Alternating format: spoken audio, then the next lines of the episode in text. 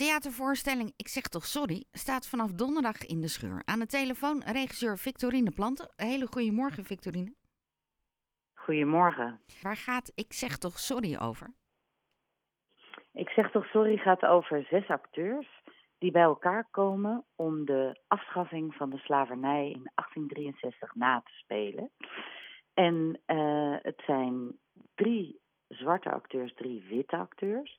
En tijdens het naspelen van die, uh, ja, van, die, van die vieringen op die dag, en dat gaat dan door toespraken en dat soort dingen, er komen allemaal historische figuren in voor, ontdekken de acteurs dan dat zij daar allebei, ja, allebei de groepen, dat ze daar anders in staan, wat uh, ja, tot de nodige conflicten leidt. Dus dat, dat zij ontdekken gedurende de voorstelling dat dat, dat er nog steeds een doorwerking is in het hier en nu. En is het verhaal op deze manier zo geschreven? Of ontstond het ook tijdens het oefenen van het stuk dat het ook zo was? Ja, dat is grappig. Nee, dat is op deze manier zo geschreven. Dus we hadden, uh, maar ja, je, het is wel zulke precaire materie dat je wel ja, uh, steeds er heel goed over moet hebben. En, en, en ja, omdat er natuurlijk echt wel een uh, deze tijd ook een, een doorwerking is. Dus je moet uh, ja, met veel zorg met elkaar proces.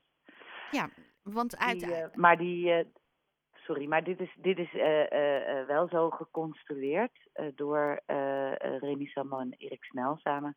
het oorspronkelijke idee was eigenlijk om de historische personages aan het woord te laten. En die, die lijn van de actuele personages die is daar doorheen geweven. En daarmee klopt het verhaal ook beter, denk je? Uh, jawel, jawel. Nou ja, daarmee kunnen we uh, eigenlijk het, publiek iets beter laten spiegelen wat het met het hier en nu te maken heeft en waarom dat dus nog van zo'n groot belang is om excuses te maken, om uh, hier zorgvuldig mee om te gaan, om ervan te leren, om het op school in geschiedenislessen te krijgen, al dat soort dingen. Ik ga nu drie dagen naar Haarlem vanwege de, de Kitty Kotti uh, vieringen en de um, viering met name dat 150 jaar geleden is. En omdat ik eerder al 1863 zei, wat natuurlijk 160 jaar geleden is.